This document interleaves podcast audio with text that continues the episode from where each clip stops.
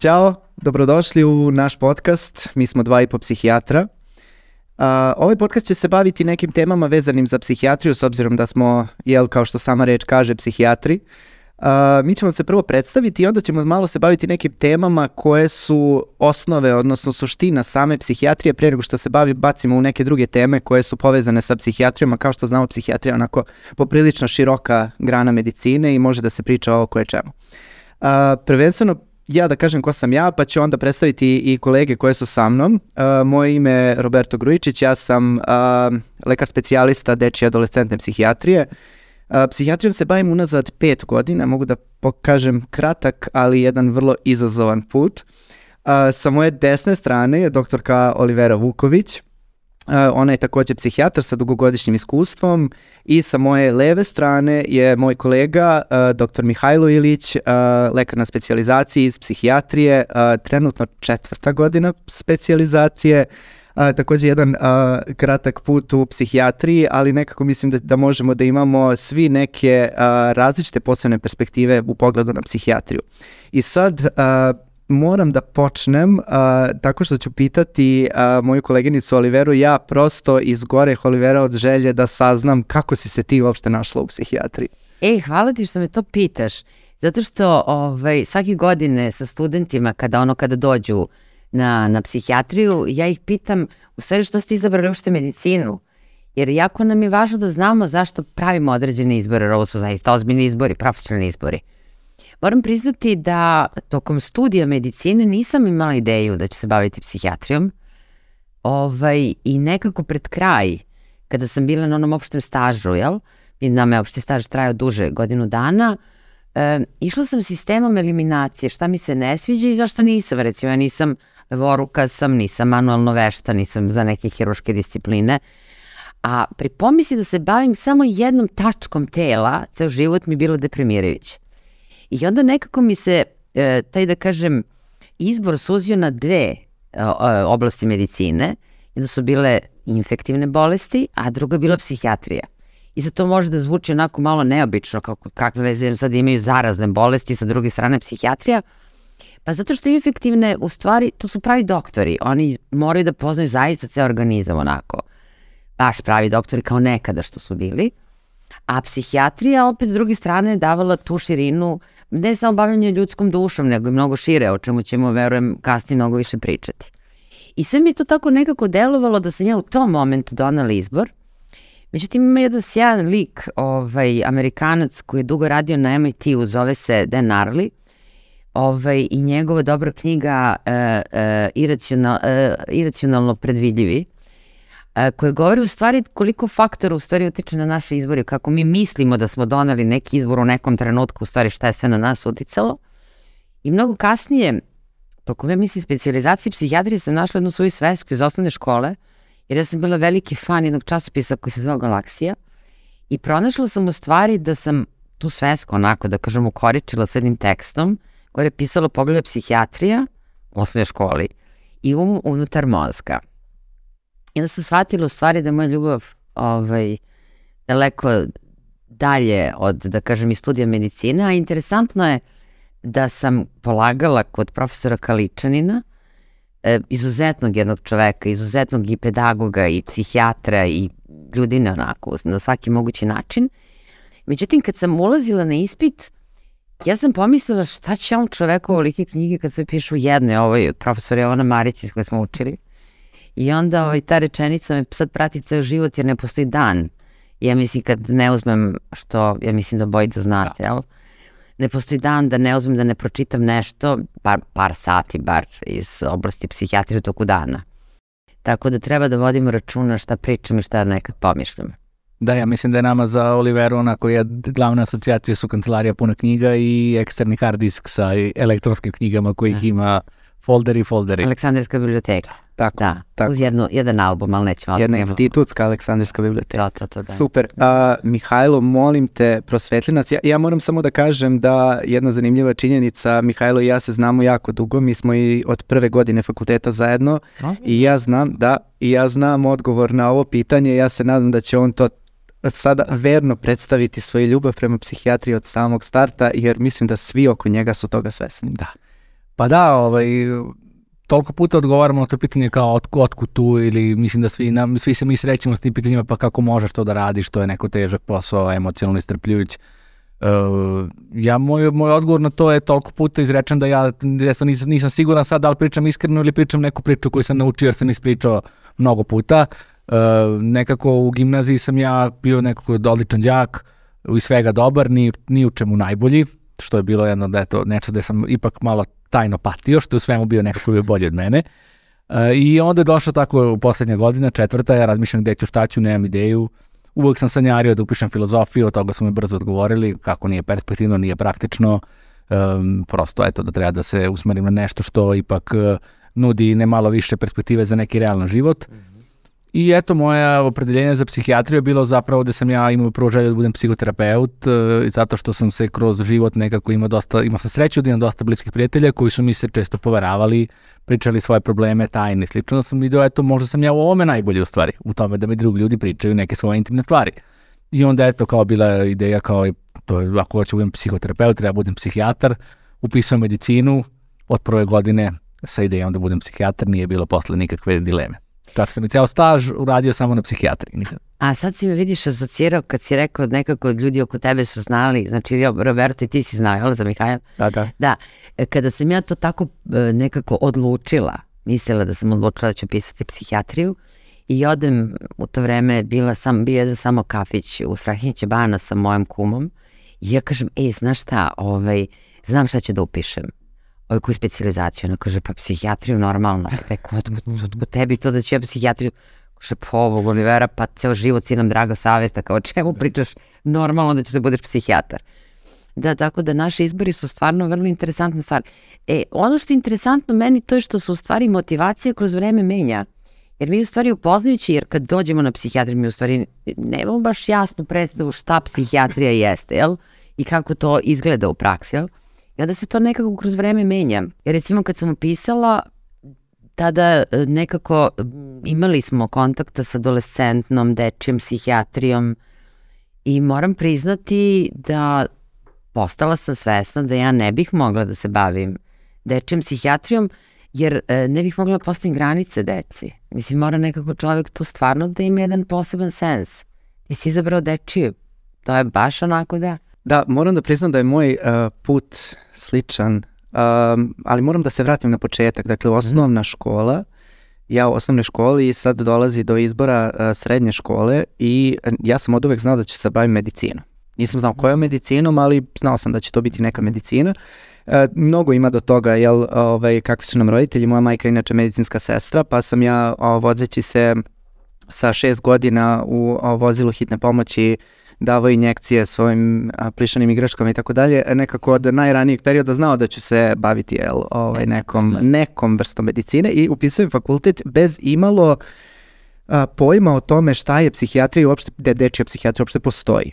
I a, dolazim na petu godinu gde krećem na praksu iz a, pedijatrije, nekako sam kroz fakultet prve tri godine kod nas na medicini su nekako predkliničke, uglavnom naučne, a ja sam osoba koja sve ume da se svidi i ja sam nekako se bacio u nauku u početku i nakon toga dolazi klinika i na klinici a, dolazimo do pedijatrije gde sam imao sjajne vežbe i u tom trenutku a, ja, meni klikće u glavi da to je to, ja želim da, se, da radim sa decom i uh, u jednom momentu uh, odlučujem da ću da upišem pedijatriju, to je to je neka moja grana kojom ću da se bavim.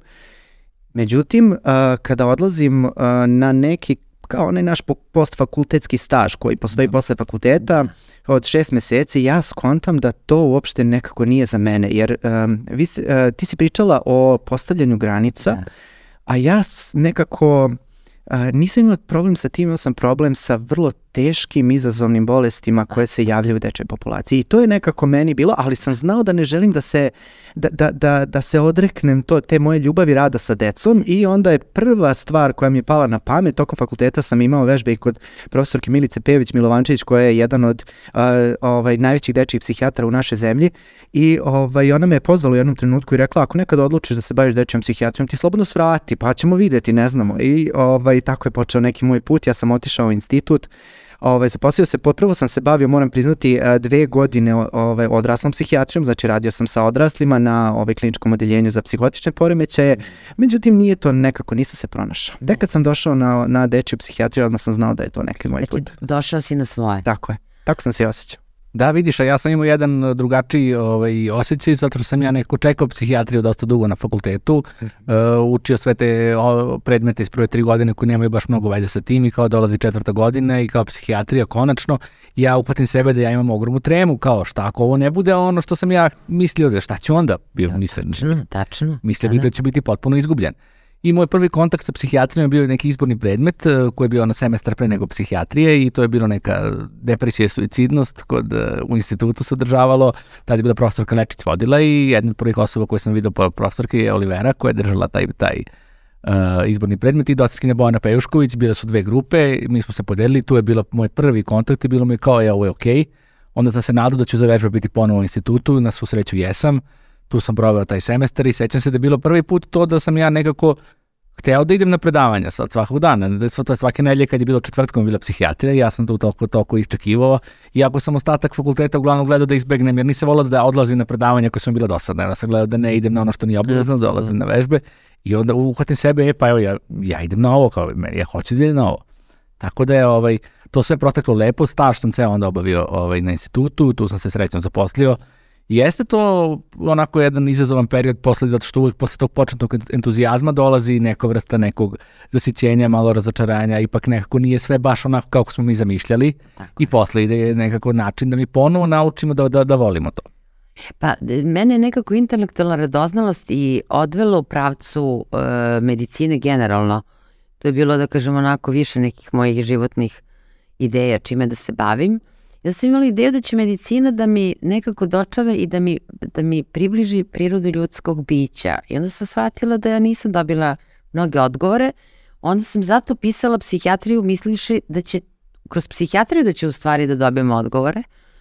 I onda sam shvatila da ni psihijatrija nije dovoljno široka, da je potrebno, ali ono što je čar psihijatrije, to je taj kontakt njeni komunikacija sa drugim disciplinama, sa filozofijom, sa umetnošću, sa biologijom, neuronaukama, sociologijom, politikom, lingvistikom, književnošću, filmom, jel? I u stvari ta kopča psihijatrije sa antropologijom, sa drugim zapravo disciplinama nas oplemenjuje, bogaćuje stvarno na tom nekom putu saznanja kakva je to u stvari ljudska priroda i kako u stvari možemo da pomognemo čoveku i da ga bolje, da ga bolje razumemo. Ali uh, ono što je sada meni interesantno, sad mi pričamo da kažem iz pozicije izabrali smo ono čime se bavimo i sada negde mi, naš identitet kao psihijatra, mislim, ja ne znam kako ljudi oko vas reaguju kad čuju da ste psihijatri. I da li je to malo promenilo, da kažem, vaš način komunikacije s ljudima? Je li obavezujući? Apsolutno. Jel može, e, ono što kaže bogati plače, jel može psihijatar da plače od društva? Da, pa Mislim, to je, a ne, ozbiljno. to je stvarno ovaj, onako postoje u trenutku malo, malo pipavo i ni nezgodno. Jer nego kad kažete da ste psihijatar, odmah ide pretpostavka je pa sad ti moraš da budeš neko mentalno najstabilnija osoba u okruženju. S druge strane, ti me procenjuješ. Jel ti mene procenjuješ Da. trenutno? Da, da. Koju ja imam dijagnozu i tako. Ta, Tako je, tako je. E, nekako sam shvatila, postoje tri pravila. Znači, kad nekome kažem da sam psihijatar, prvo je, jao, fenomenalno treba ćeš mi, onako kao šarmantno, polu, kao polu šala, polu istina. Drugi način je, ovaj, ali vi vremenom e, malo počinjete da gubite baš to vaše mentalno zdravlje, jer malo postajete drugačiji, neobični, kao pod uticajem okruženja.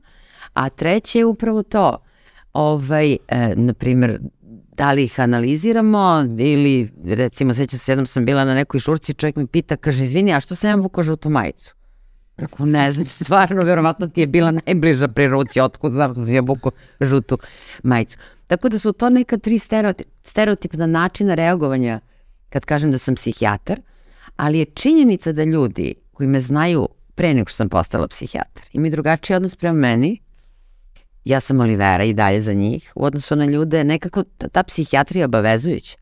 S jedne strane, a? Pretpostavljamo da nekako ovaj, čini mi se da nas dvojica smo ipak ovaj, u nekoj početnoj fazi karijere, pa sad ja i većinu ljudi koje poznajem, poznajem perioda ranije. pre nego što sam bio psihijatar, nego što sada imam neke ljude koje sam upoznao nakon već, što sam već formiran u svojoj struci.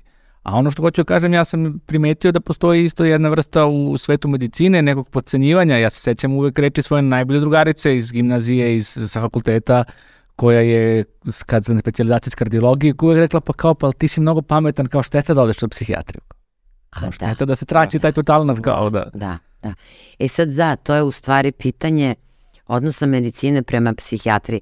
Mislim da je stvarno nekako pozicija neravnopravna, jer ljudsko biće, ako ćemo čak, eto da kažem, da ga delimo na telo i dušu, mada ja nisam pristalica te podele, ali nekako cela medicina bazirana je na telu. Mislim, ono reč soma na grčkom znači leš, jel? Da. Telo, odnosno leš. A u stvari na psihijatriju se najmanje obraća pažnju. I nažalost, lekari nam šalju pacijente tek kad nemaju odgovor na pitanje. Tako je. Znači, kad jednostavno sve ispitaju i onda ne mogu da nađu odgovor, onda šalju u stvari nama psihijatrima. Tada dobijamo značaj. Da, Moram tada priznam da da tada, tada se već nekako odgovornost prebacuje na psihijatra po prvi put, ja bih rekao. Jeste. A, nekako evo pokušali smo ovaj, e, koleginica Nađa Marić i ja, e, ona moram priznati da je nekako i do, više angažovana od mene, da uvedemo jedno, jedan izborni predmet mentalno zdravlje. I prvi put kad smo to radili, radili smo za, i za drugu i za treću godinu studenta medicine bio je neverovatno veliki odziv. Jer smo shvatili u stvari da ljudima na našem fakultetu fali još neki predmet, neko znanje. Malo je, ne zna se, ne zna se mnogo toga. Ovaj. Nekako se, stvarno se svodi na telo. Čovjek se u medicini svodi na telo, to je problem. Ali moram da priznam, ne samo u medicini, nekako mislim, to je prva stvar, mislim da generalno kolege tačno ne znaju čime se mi da. onako tačno bavimo. da. To je pod broj jedan, Da. a zamislite tek uh, ljudi koji nemaju fakultetsko obrazovanje iz medicine. Da. Šta li to Da. psihijatar radi? Gde, gde on radi? S kim on radi? Da. Mislim, taj, taj nivo neke i, i bavljenja abstraktnim konceptima i neke nedovoljne preciznosti, e, ja isto imam iskustva s obzirom da imam dosta, dosta bliskih prijatelja koji su u nekom, nekoj vrsti elektroinženjeringa i slično, koji su navikli na jedan e, potpuno logičan način razmišljanja. E, Ni u medicini 1 plus 1 nije 2, a u psihijatriji još manje. Tako. I to je ono što je neko problem i što stvara na kraju i neko potencijalno nepoverenje prema lekarima i prema psihijatrima, kao jer vi uopšte znate šta radite. Tako. Tako je da čak, evo recimo u nekim neformalnim govorima, recimo neko zna da se bavim psihijatrima, da kaže ti psiholog. Pa onda malo sam psiholog, pa sam malo psihijatar i sad naravno da se ja ljutim što ljudi ne prave razliku između psihologije i psihijatrije, u stvari mi pravo. Jer aj sad neko od nas ovde, ček da li zna razliku između kriminologije i kriminalistike. Da. A, mislim, postoji i kriminologija i kriminalistika. I imamo pravo da ne znamo. Ali mislim da nije loše da se malo pozabavimo time, u stvari, ko je to ko je psihijatar i ko je to ko, ko je psiholog, ko se bavi psihologijom, ko se bavi psihijatrijom. Ja sam videla nešto malo na YouTube-u ima, ali nema dovoljno, čini mi se.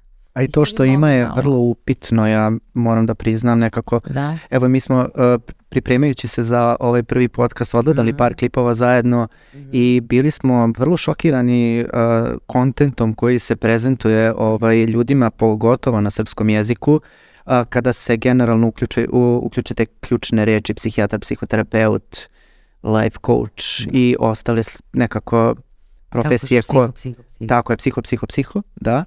Sad dolazimo do te uh, Kragujevac, Kruševac, Kraljevo uh, problematike u psihijatriji. E, mislim da bi bilo dobro, ovo je nekako savršena platforma za, za objašnjavanje ovaj, od samog početka. Ajde da krenemo nekako od samog starta. Da, da vidimo, da, da. Ovaj, e, mislim da bi ti, Olivera, mogla nekako na najbolji način da nam predstaviš, s obzirom da imaš najviše iskustva u kliničkom radu, šta je, ko je to psihijatar? S čime se on bavi i šta je u stvari njegov cilj? Apostrofir, e, parafrazirat ću svog dragog kolegu Milutina, što se duže bavim, manje znam. Šalim se naravno, ovaj, ali e, sad možda, možda da zvučim malo pretencijozno, ali nekako ja volim to analizu jezika. Psihijatros, jel? Jatros, znači onaj koji leči dušu. To bi bio, bio da kažem neki, da kažem bukvalni prevod. Onaj koji leči dušu, jel? A psiholog, logos, nauka, onaj koji se bavi, jel tako, proučavanjem ljudske prirode. To bi, da kažem, bilo nekako najjednostavnije. Znači, mi lečimo, psiholozi proučavaju. Međutim, naravno, život nikad nije jednostavan i nikad ne može da se svodi na neku jednu definiciju, logično. I ono što bih naglasila to je da nekako mi psihijatri koji radimo u bolnicama, znači mi smo lekari koji radimo tako u bolnicama, u domima zdravlja, u privatnim ordinacijama, e, nekako e, ta e, psiholozi, ali naglašam klinički psiholozi, znači ozbiljni psiholozi koji znaju ovaj, kliničku psihologiju, mi smo kao brać, braća ili sestre, kako god blizanci. Mi jedni bez drugih ne možemo, jel? I ovaj, to je zaista sjajan spoj i nekako mislim da je jako važno da ljudi shvate da bi nešto lečili, jel? A kažemo mi psihijatri lečimo, mi u medicini znamo osnovno pravilo koje glasi prvo se postavi dijagnoza i kad se postavi dijagnoza onda se leči problem. Znači moramo da konstatujemo gde je problem. I to je da kažem zadatak psihijatra, znači da diagnostikuje određenu vrstu psihijatrijskog poremećaja, a onda da pristupi određenom načinu lečenja, jel? I tu su nam zaista desna ruka i jako bliski klinički psiholozi. To su ljudi, tako, koji nam pomažu u, pre svega u procesu diagnostike, ali i određenih oblika, tako, lečenja. E sada, ovaj, prepuštam Mihajlu, imaš ti neku ideju da dodeš još vezano za... Da, mislim da obično kada, kada se pita e, šta su psiholozi, šta su psihijatri, onaj basic odgovor koji dobijamo je kao pa psihijatri daju lekove, a psiholozi ne i to je kao ono glavno objašnjenje što da, mislim da je... Najčešće. E, što je, kao kažem, to nije netačno mi jeste, istina je psihijatri daju lekove, istina je psiholozi ne daju lekove, ali čini mi se da je to prilično ne fair podela, Tako. jer mislim da nekako je tu implicirano jedan vid nekako omalovažavanja drugih stvari koje psihijatri rade. To kao da je, da je između redova poruka pa psihijatri neće se bave tom, oni samo se daju lekove i da, da, i da te otkače a kao psiholozi se onda pričaju, da te, da te razumeju, da te, da te nekako shvate kao čoveka, tako da mislim da, ta, da je onako površna i potencijalno štetna, štetna podela. Da. Slažem se sa tobom, ovo, i mnogo je važno što si rekao, jer ta predrasuda je poprilično rasprostranjena. Znači, psihijatar je onaj koji daje lekove. Netačno, jel? Tako je. Znači, psihijatar je onaj koji leči psihijatrijske poremeće. Naravno, to nije jedino što psihijatar radi, ali to je ono bazično njegovo zanimanje i on leči upravo različitim načinima, ali tako davanjem lekova, određenim oblicima psihoterapije, socioterapije, sve što nam stoji na raspolaganju za lečenje određenih mentalnih poremeća. Sad, ovaj psiholog, hoćeš ti da nešto da kažeš tome? Pa ja takođe moram da, da kažem da verovatno zbun nastaje u tome zato što se generalno poslovi, moram priznati, vrlo često preklapaju, pogotovo kada, se, mhm. kada neko gleda sa strane, odnosno kada ne radi u psihijatrijskoj praksi i, i da, da je moguće da tu u stvari nastaje cela zbrka zašto se uopšte, odnosno radimo vrlo često klinički psihologi i psihijatra rade na istoj klinici. I sad Tako. zašto bi da. neko ko nema, jel neko formalno obrazovanje uopšte razlikovao? To, vrlo često se dođe i kaže evo, idem kod doktora TTT, a on psiholog, ali prosto, kako, mislim kako kaže, ne možemo da zamerimo nekome, da, ko nema nikakvu edukaciju ovaj, u tom smislu, prosto to je sve, sve, sve u redu ali ovaj, um, sa druge strane moram da kažem da postoje neke stvari koje nas razdvajaju, koje nas razdvajaju i jeste jedna od tih, mislim, potpuno fair da kažemo da psihijatri mogu da propišu lek, psiholog ne može da propiše lek, to jeste jedna od glavnih razlika, ali svakako ne jedina, e, znači, a, mislim da su a, to što je Olivera rekla na samom početku, znači a, psiholozi se bave proučavanjem ličnosti i oni nam dosta pomažu u sagledavanju i samom procesu postavljanja dijagnoze. I kao što, kao što je Olivera i, i naglasila, znači mi smo braća blizanci, mi prosto ne možemo jedni bez drugih. Ja, ja e, ne mogu da zamislim svoj klinički rad da nemam psihologa, pogotovo dobre psihologe na koje mogu da se oslonim i nekako ta saradnja u kliničkom radu je ključna, pogotovo kada imamo neke, mislim, nik ni jedan psihijatar nije omnipotentan, jel ne može da Eh, da rešava sve sam, treba mu tim i tu, tu su mnogi drugi saradnici, ali rekao bih da su psiholozi i psihijatri nekako jedinstven spoj, jedinstvena dijada diagnostička prvenstveno, a samim, a posle, tako je, komplementarna, a, a samim tim posle i terapijska. A tu dolazimo do koncepta psihoterapije. To je nekako uh, jedan termin koji nas objedinjuje, opet i razjedinjava kada Jeste, se pa. pomene tako, pa mislim da bi bilo dobro i to da objasnimo. Ja, ja evo, ovaj, sticam okolnosti znam da je ovaj, Mihajlo sada na edukaciji iz psihoterapije, mislim da bi on bio na nekako najpozvaniji sada da nam to objasni šta je u stvari psihoterapija i kako to da se razlikuje uopšte od koncepta psihologije i psihijatrije. Pa da, mislim da je deo te zabune o kojoj pričamo je zato što ljudi nekako koji su laici, koji se ne bave medicinom, niti imaju neko bliže ovaj, znanje, gledaju tako filmove, serije, tu su često prikazane određene psihoterapijske seanse koje se ovaj, u Sopranovima, na primjer, ne znam, onda ima i ona serija In Treatment, na terapiji koja je na, i naša verzija. E, I onda nekako, ja mislim da tu nije to dovoljno definisano, jer nije neophodno sad da se to, da se tehni, ulazi u tehnikali, onda ljudi poistovećuju psihologe sa psihoterapeutima. Jer ga kažu, eto, psiholog leči razgovorom, zapravo se misli na, na psihoterapeuta jer psihoterapija zapravo je korišćenje određenih metoda da bi se kroz jedan, da kažem, intenzivan odnos koji može biti jedan na jedan, ali može biti u drugim settinzima, e, nekoj određenoj osobi, da kažem, e, poboljšao kvalitet života, da se dostigne da se neki možda bude fokusiran na rešavanje problema, ali i ne mora, može biti fokusiran na unapređenje zdravlja, na dostizanje sreće, na poboljšanje nekih kapaciteta. Ja se lično ovaj, na edukaciji iz gestalt terapije koja spada u humanističke psihoterapije, koja se zapravo u stvari e, polazi od koncepcije da se u stvari maksimizuje ljudski potencijal za samo ostvarenje. Što znači da nije nužno samo za ljude koji imaju neku vrstu mentalnih bolesti, nego je prosto za svakog ko misli da bi mu tako nešto pomoglo. Ovo je važno, jer e, namerno sam na početku rekla psihijatros, znači mi psihijatri se bavimo pre svega ljudima koji imaju određene mentalne poremeće, jel? Mi smo lekari koji lečimo bolesti, jel? E, psihoterapeuti, znači mi radimo između ostalog i psihoterapiju u tretmanu mentalnih poremeća, ali psihoterapija nije ograničena isključivo na medicinu, odnosno na psihijatriju, nego može da obuhvati, ili tako, i pomoć ljudima koji nemaju psihijatrijske poremeće, odnosno mentalne poremeće. Ali ono što ja moram sa ponosom da kažem, znate sad ja mislim mi malo ipak lekari imamo malo veću količinu narcizma, jel? a psihijatri takođe. Pa da. Ovaj, a to je da nekako je psihoterapija nastala ipak u okviru psihijatrije. I drugo, naši velikani, naši prvi psihoterapeuti su bili psihijatri.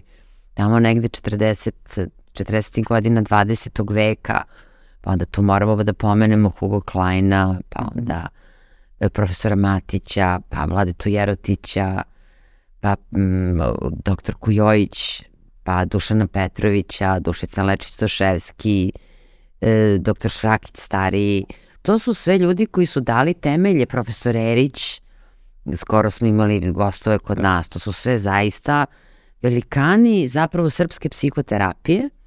E sada tu u stvari dolazi profesor Berger, on je bio psiholog, mm -hmm. jer nekako uvodi kliničku psihologiju, pravi kliničku psihologiju, znači jednu izuzetno važnu oblast, znači kad završe ljudi jel, psihologiju, jel, fakultet, ovaj, taj smer za psihologe, onda upisuju tu specializaciju kliničke psihologije i to su zapravo pravi oni klinički psiholozi koji su nama, da kažem, zaista neophodni u radu.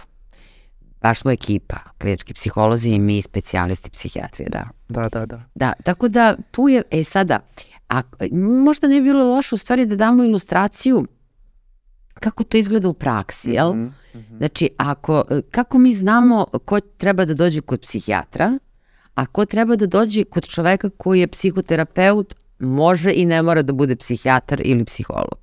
I ko uopšte može da bude psihoterapeut? E, ja bih krenuo o, od poslednjeg pitanja, ko u stvari može da bude psihoterapeut. Ja moram da mhm. kažem da jeste, slažem se sa Oliverom, da su a, mnogi a, psihoterapeuti bili psihijatri, ali postoje i neke meni vrlo intrigantne istorijske figure koje nisu imale formalno obrazovanje niti iz psihologije, niti iz psihijatrija. Postale su a, psihoterapeuti, kao što je bila Melanie Klein, jedna od najuticajnijih uh, a, psihol, o, psihoterapeuta. Vremena, tako je, tako je, u dečoj psihijatriji, da, i koja ima neke onako vrlo nekako intrigantne koncepte za to vreme i vrlo jedna intrigantna ličnost koja nije imala neko, da kažem, formalno obrazovanje, žena je bila domaćica, da tako kažem, ušla u, u polje psihoterapije tako što je išla na sobstvenu psihoterapiju, to je nekako, ovaj, Freud je prepoznao kao kao neko ko ima veliki potencijal u tom polju i nastavila tako.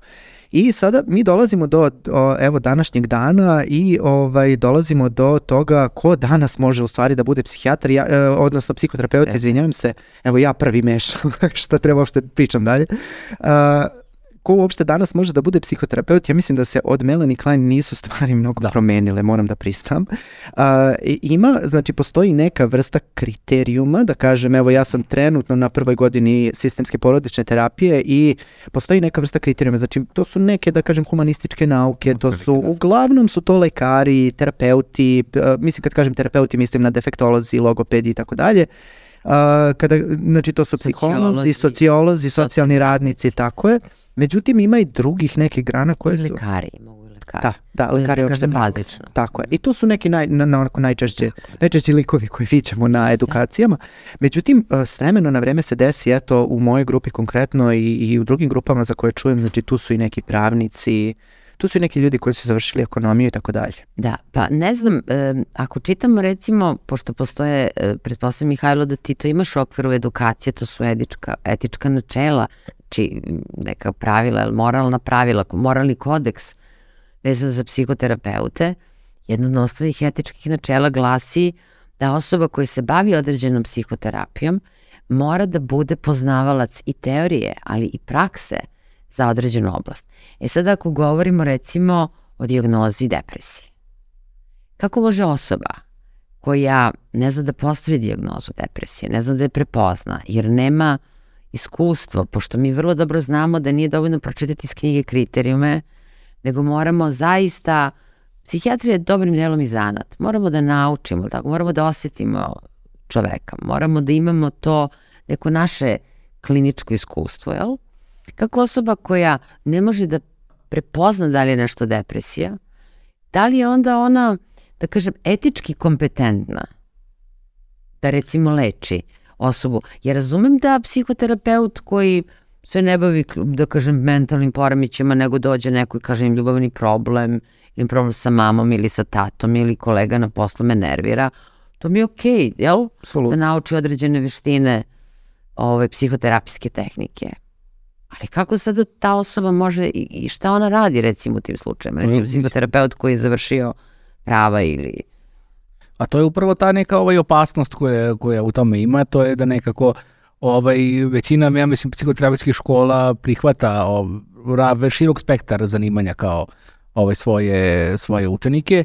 Sad kod nas, koliko ja sad znam, ali moram da priznam da nije ovo nešto što sad 100% sigurno znam, jer znam na neke podatke što sam to pre par godina, da kod nas ne postoji zakon o, psihotera zakon o psihoterapiji, koji je trenutno u izradi, dok sam ja, ovaj, na primjer, čitao knjigu jednog e, francuskog terapeuta Serža Žinžera koji se zove biti humanistički psihoterapeut, da jedan dobar deo knjige je zapravo posvećen tom zakonodavstvu jer je u Francuskoj to nekako dosta jasno regulisano ko sme, kako sme, šta, šta sme, kod nas se trenutno to uvodi da, da, se, da ljudi koji se nemaju kliničkog iskustva će morati da polažu neku vrstu propedeutike, tako nekog da. osnovnog kursa e, to bi, bilo, to bi bilo dobro, ali sad pitanje i te prakse koliko ona traje, mislim, jer, mislim, evo, 25 godina se bavim psihijatrijom, nije malo, je li, četvrt veka.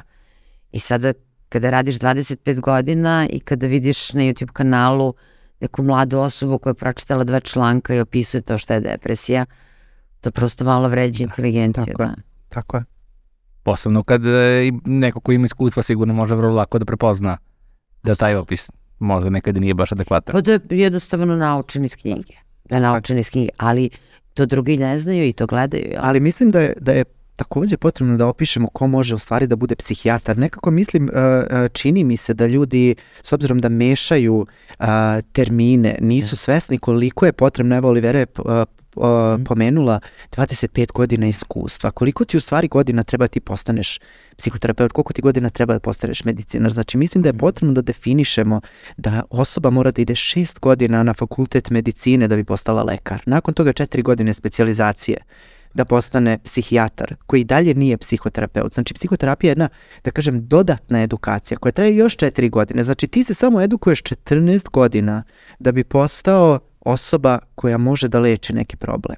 A mi se danas nekako, čini mi se, susrećemo sa vrlo širokim spektrom sad mi će možda preteško, ja kažem pseudo tretmana ili kako bih to, ne znam ni kako bih definisao, ali prosto širok spektar uh, uh, psiho stvari, ljudi, ljudima koji se bave psihom na neadekvatan način i čini mi se da uh, ta vrsta uh, uh, problema je jedan ogroman etički problem današnjice i mislim da može dosta lošeg da donese ako se primenjuje na pogrešan način. Ja ne znam da li znate kad se pojavila instant kafa, ovaj, ozbiljno re, reklama za instant kafu uopšte nije dobro prošla. Jer to su bile 50. godine 20. veka kada je prosto kult domaćice bio da ona mora da se bavi, da se posveti kuhinji, da ona sad mora dugo da provede vremena u kuhinji. To je bilo potpuno kontraproda. E onda vremenom kada koja je žena počela se nekako emancipuje pa više da rade pa manje da budu domaćice, e onda instant kafa postala super stvar. I tako mi sad živimo u instant vremenu u kome u stvari sad sve treba da bude kratko, ajde odmah mi daj rešenje, mislim, nema ja sad vremena da dolazim kod tebe ne znam koliko puta i koliko godina da bi sad ti meni razrešio moj problem, jel? I, ove, ovaj, I onda ljudi ne samo da traže instant rešenja, nego i traže načine kako da dođu do instant znanja. Apsolutno. Ja sam skoro ovaj, našla onaj neki kartun kao e, ovaj, filozofija, mem filozofija i prava filozofija. I sad vidiš red onako svi koji čekaju samo da dobiju par, onako samo info iz filozofije, to im je super, a oni koji hoće da čitaju knjige iz filozofije, nema nikoga naravno u tom mm. redu. Mislim, moramo i mi malo da se prilagodimo vremenu, ali mislim da su ove neke nove, da kažem, neki novi psihoterapijski pravci, tako postoji konsultativna psih, psihoterapija Balintova recimo, da. dve seanse. Znači i, i postoji to, mislim da prosto ljudima pojasnimo da ne mora sad čovek da ide na psihoanalizu, kao što idu ljudi na psihoanalizu 10 godina. Znači mogu nekako da kažem i postoje neki drugi oblici. Ali to je jako, jako važan deo, da kažem, našeg ovaj, lečenja ovaj, u psihijatriji. Da, mi se bavimo i psihoterapijom. I sad ono što je takođe važno da ljudima objasnimo da psihoterapija nije svaki razgovor. Apsolutno, mislim to su, kako da kažem, vrlo regulisane e, tehnike, načini rada koji se naravno mogu razlikovati sad ovaj, postoji mnogo modaliteta psihoterapije, postoji mnogo svaki i drugačije izgleda razlikuje se i trajanje seanse i koliko se često ide i koliko dugo se preporučuje da se ide, ali pojente da sve to koji god da je modalitet, on ima neka svoja pravila i ne, neku svoju, da kažem, e, metodologiju kojom je došao do tih, do tih različnih tehnika. To nije, e, psihoterapija nije ja odem kod nekog da mu se izjada i da me on sad tapše po ramenu i kaže da, da, razumem te. To. Što znači, ono što sam ja bila draga saveta i ono što sam da. ti bio rame za plakanje, u stvari nije bio, da kažem, dovoljno ne. da bismo bili psihijatri i da bismo mogli da se potencijalno bavimo psihoterapijom, nego mogli ozbiljno da učimo, da. da bi to bilo. Da, ja čak nisam bio rame za plakanje, postao do psihijatra, ne znam odakle. Pa da, či. znam kako je to. Pa da, ljubav prema deci, ljubav prema deci. Da, da, da. Stvarno posebna ljubav, da. Posebna ljubav. Ovaj, ali nekako tu psiholozi, ovaj, oni takođe, oni mogu da se bave tako mentalnim zdravljem, ali ne moraju. Oni sad imaju neku svoju drugu. Tako mi sad kad smo, što smo pričali o psiholozima, zapravo se odnosimo na kliničke psihologe koje rade u klinikama, a to je opet je samo jedan mali deo psihologije koje je ovaj, do, dosta, dosta široka i postoje da psihologija u organizacijama, u školama, to je sve nešto što je što spada u domen psihologije, a ne spada u, uopšte u domen psihijatrije, da tu napravimo neku, neku distinkciju. Da, da, psiholozi se bave zapravo ljudskom prirodom. Tako je. Da kažemo, različitim aspektima, a mi se bavimo diagnozama. E sad, da li se psihijatri samo bave diagnozama? Jer malo pre sam rekla praktičan primer, znači, kad, kako bi mi ljudima objasnili kada da potraže pomoć od psihijatra, Tako. a kada da traže psihoterapeuta koji se bavi nekim drugim problemom. Znači, u slučaju kad recimo sad ja imam problema na radnom mestu, imam šefa nekog strašnog koji me maltretira, kome ću da se obratim, Mihajlo? Pa dobro, e, to je opet nekako interesantno pitanje, jer bio bi logično odgovor kao i, eto vidi kod psihoterapeuta pa da vidiš šta možeš, ali opet pitanje je da nekako mora da te sagleda nekako ko će moći da se prepozna ako postoji nešto što bi možda ukazivalo da je potrebno da odeš kod psihijatra. A šta ako ja ne znam, ušte nemam pojma ni šta je psihijatar, ni šta je psiholog, razumeš me? -hmm. Koja bi bila neka instanca koja bi mogla da, da. donese da. tu vrstu trijaže. Da, Jel ja ali da googlam šta da radim. Mogu samo da se nadovežem, znači s obzirom da je Mihajlo vrlo lepo poentirao šta je psihoterapija, mm. ali ono što je izdvaja od drugih grana koje se bave mentalnim zdravljem ili bilo kakvom drugom metodologijom, ovo je jedan vrlo strukturisan metod koji spada u medicinske tretmane. Znači ovo je isto kao lek, prosto jedna vrsta tretmana koja je naučno zasnovana, dokazana i ispitana u svakom smislu. Znači na različite načine ispitana, proverena i tako dalje. Tako da, Uh, ako mene pitate, mislim da bi svaka osoba koja ima problem sa mentalnim zdravljem, odnosno smatra da ima neki problem, trebala da konsultuje prvenstveno psihijatra i da psihijatar onda ordinira vrstu psihoterapije i psihoterapeut ako može da uputi ili tako dalje, kod koga, gde će se osoba javiti. S obzirom da, evo, mi kao psihijatri znamo, a nažalost mislim da većina opšte populacije nije upućena u to, bar neki ljudi iz moje okoline koje radio sam jednu mini analizu svog okruženja koji nisu psihijatri, pitao sam dobro, jel znate da, da postoje različite vrste te psihoterapije, niko nemam pojma, kako misliš različite vrste, to nije jedno te isto. Neki znaju da postoje neke vrste, ali definitivno ne znaju da postoje mnoge. Preko 400. Da, preko 400. I sad svakako možete, mislim ne treba ti neka mnogo velika edukacija da skontaš da nije, nije svaka psihoterapija za svakoga, jel, i za svaki problem. I s obzirom da je potrebno izdiferencirati za koji problem je potrebna koja psihoterapija, ti smatraš da imaš poremeće mentalnog zdravlja, odnosno poremeće mental, mentalnog zdravlja, će verovatno prvo primijetiti lekar opšte prakse. Uputit ćete kod psihijatra, psihijatar će onda da ti ordinira terapiju koja može biti u vidu psihoterapije. Jasno. Tako.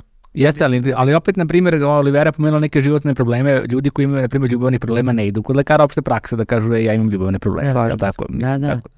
Pravo da ti kažem, e, ja mislim ako bude gledao neko od psihijatrima da, da, da, da, da završimo, da se bavimo ovim Nekim poslom. drugim Nekim stvarima. drugim stvarima, veruj mi, zamisli red, ono ispred, razumeš me, instituta. Ispred ambulante. ispred ambulante, da, mi smo došli zbog problema življenja. Ne, ali mislim da je stvarno poenta, znači problemi življenja, svakodnevni problemi. Mislim, nekako ljude stvarno treba uputiti onda na ljude koji se bave nekim oblicima psihoterapije, pa onda recimo ako imaju probleme na radnom mestu, management, jel? Life coachevi. Oni imaju svoje mesto.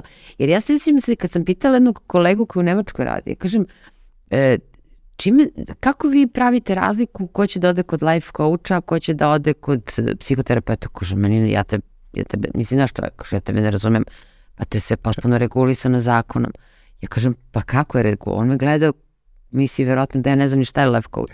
Pa kaže, oni ljudi koji imaju prosto u okviru, da kažem, e, firmi, pa ne znam, managementa, pa team buildinge, pa načine komunikacije u firmama, pa, da, pa onda je za motivaciju u sportu, oni kao idu kod life coachova, to je potpuno okej, kao šta me pitaš, ne znam Da, šta me uopšte da. pitaš. Ali mislim da su naši ljudi malo zbunjeni tu zbog toga sve ovo. Pa da, mislim da je ovaj, dosta uh, generalno, čini mi se da je kod nas, ne kod nas, nego uopšte u novom vremenu sa, sa instant životom koji smo pomenuli, sa nekako gledate šta se traži od ljudi, nekako, ja vidim stalno na YouTube-u pretrage, neke kao tra, kako da se dostigne neki peak performance ili tako neka maksimalno efikasni da budemo, da budemo uh, što produktivniji, što i onda ljudi nekako su ovaj, uhvaćeni tu hoće traže pomoć, a mislim da je uh, da se često onda obraćaju možda life coachovima za nešto što je neadekvatno, što bi možda bilo ipak pre za neku ozbiljniju terapiju, zato što je to nešto što im nudi jedno privlačno, brzo rešenje koja ne stigmatizuje ni malo. Jer kao, eto, nisam ja, nisam ja lud, idem ja, idem gde treba meni psihoterapeut, nego ja idem kod life coacha da me on posavetuje kako ja da živim život. E, to je zapravo problem, zato što ovaj, postoje ljudi koji, kojima zaista treba psihijatar, a izbegavaju. Jer tu postoji taj problem stigmatizacije, jel? Kad kažemo stigmatizacija, po tim podrazumemo šta, jel? Da se osoba nekako stidi, da prikriva, jel tako? Da bude obeležen. Da da bude bude obeležena, obeležena da u stvari na manje neki vredna. način, da bude manje vredna, zato što ovaj, ima određenu vrstu, da kažem, psiholoških smetnji. Ne možemo da zam, zameramo ljudima zbog toga. Ja ne znam, to se to decenijama se priča tim antistigma programima i nešto nisu se baš pokazali najboljim, moram Da, priznati. da, nisu. Ne.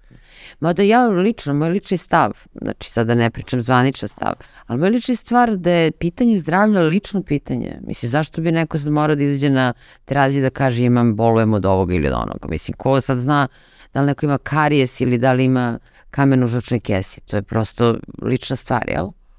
Zbog čega bi sad neko morao javno da priča o svom problemu? Ali nekako godinama rada u praksi se pokazalo da je ljudima mnogo lakše da kažu da imaju kamen u žučnoj ili ne da je Bože neki malignitet pre nego psihijatrijsku bolest. I čini mi se da su psihijatrijski Da, da. pacijenti izuzetno Da, da. stigmatizovani u našem društvu. Sad ja ne mogu da pričam za druga društva jer ne znam, pretpostavljam da je slična situacija. Jeste. Da, da, ali prosto, evo, mislim, iz neke prakse, iz direktnog razgovora sa ljudima, vrlo često moramo i da se dovijamo do različit, e, različitih drugih dijagnoza koje bi ljudi mogli da predstave svojim komšijama, svojim kolegama ili drugarima u školi. Prosto, evo, pošto ja radim sa decom, nekako vrlo često moramo da kažemo da su to neke druge stvari koje se leče, da prosto osobe ne bi bilo ob- obeležene. I to nije neka paranoja, pro, prosto, prosto je to meni, tako. Meni je to razumljivo, ja ne mogu da kažem da je sad to da ne, da ne shvatam. Jeste, ja, ako imam kamenu žučnu kesi, to je neki problem mog tela koji nema nikakve veze sa mnom, tako. a opet, posebno za nekako uh, lajke, mislim da je ideja da imam sad ja neku depresiju ili anksioznost, to kao znači nešto sa mojom ličnošću možda nije u redu. Možda ja nisam u redu kao čovek i da to zbog toga onda ja patim. Tako da to, kako hoću kažem, razumem mehanizam kojim to nosi neku vrstu sramote. Znači, u slučajima ako neko pati, a zbog svojih problema, je tako? U slučajima ako neko jednostavno zbog tih svojih tegoba ne može da funkcioniše, tako, u svakodnevnom životu, onda treba da se javi lekaru i da ga lekar uputi kod psihijatra da vidi da li on zaista ima neku dijagnozu ili nema, jel? Jer da bi se lečio mora da se postavi dijagnoza. Ne može psihoterapeut koji nije lekar da postavi dijagnozu. Ja ne znam šta radi psihoterapeut koji nije lekar, ne postavi dijagnozu, ali on zna, jel, vičan psihoterapeut zna da prepozna da je nešto samo trenutni konflikt u njegovom životu, problem, to nije bolest i da može da razreši. Tako, ili, da, ili da su problemi nastaju iz nekih da kažem, socijalnih e, ra- razloga ili nekako neke patnje koja ne, ne, nužno ne nosi sa sobom neku vrstu e, poremećaja ili, ili, ili bolesti koja bi Bolesti. bila onda nužno za, za, za Znači, ja, psihijatra. ne, da recimo neko izgubio sebi dragu osobu i sada tuguje, to je zdrava, normalna emocija, jel tako? Tako. Ima pravo da ode kod psihoterapeuta i da prođe nekako kroz taj rad tuge, jel, zajedno s njim. Apsolutno, ili čak i neke ba- banalnije stvari, na primjer ja to to isto pominjali smo našeg dragog kolegu Milutina, pro, primjer koji on stalno daje, kaže ja ako idem, radim neki glup, loše plaćen posao, šef me ono, udara čekićem u glavu svakog dana, pa ja neću sigurno biti srećan za svoj život. Sad da sam ja onda bolestan čovjek. Naravno. Ali evo, e, s- e, u cilju razbijanja stigmatizacije imam jedno pitanje. Um, s obzirom da imam neke megalomanske, od megalomanske očekivanja od ovog našeg podcasta, a, pa mislim da ćemo i možda da razbijemo neku stigmu. A, ja bih voleo vas da pitam prvenstveno oboje, da li ste vi nekad bili kod psihoterapeuta?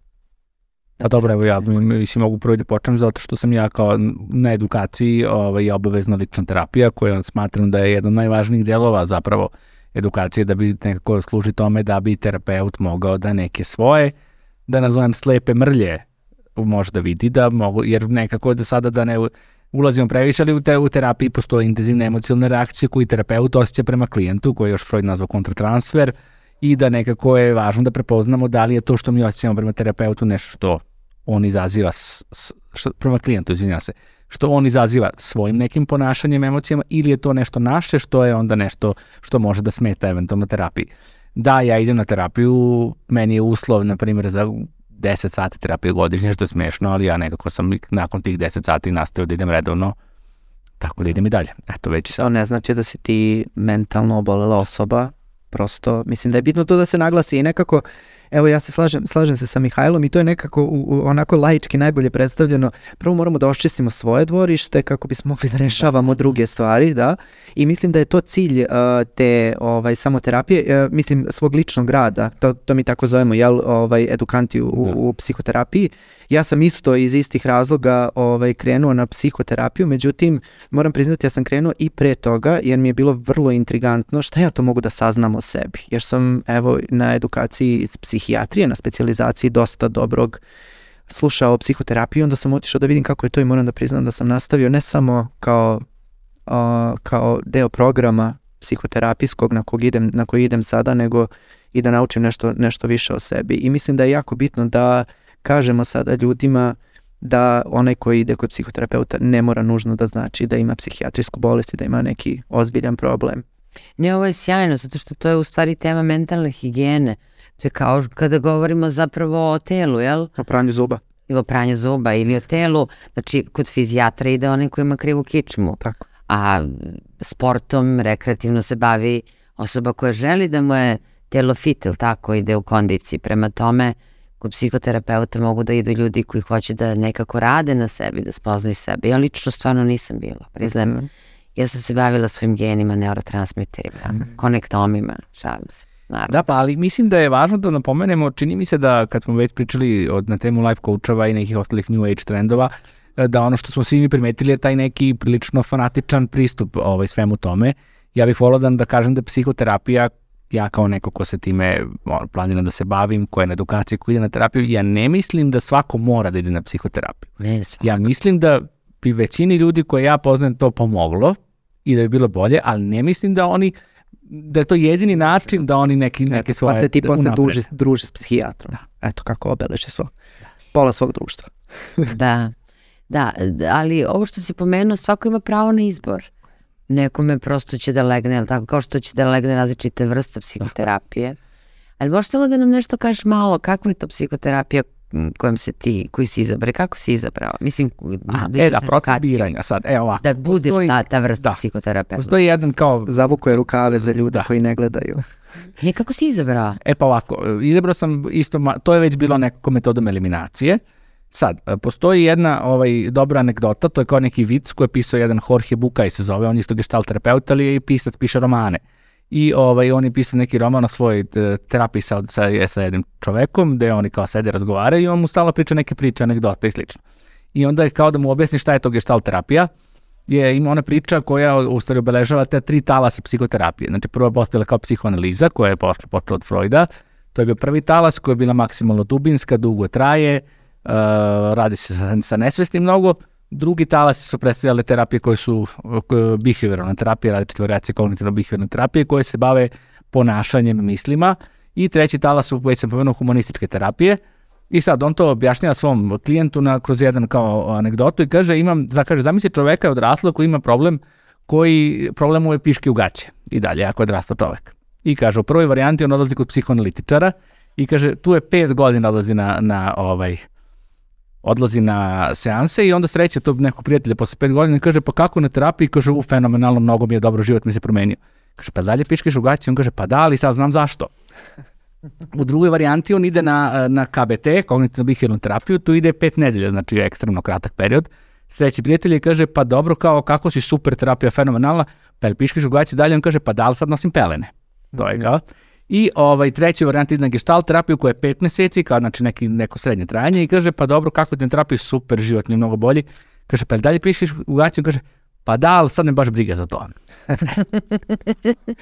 I to je u stvari, eto, nekako ja sam išao sistemom eliminacije, mislio sam uh, nekako, nisam ja za kognitivno behavioralnu terapiju, to sam znao odmah. Prosto to je nekako dosta šematizovano, dosta strukturisano, dosta uh, se onako neka pravila poštuju, to nekako ono, protiv mojih senzibiliteta. Psihoanaliza mi je bila intrigantna, ja mnogo volim to da čitam i dan danas i nekako ovaj, uh, mislim da je stvarno jeste u osnovi, osnovi svega, ali nekako dugo traje i iz tih nekih praktičnih razloga mi je bilo, mi je bilo nekako na kraju protiv toga i onda je bilo ajde neka od tih humanističkih.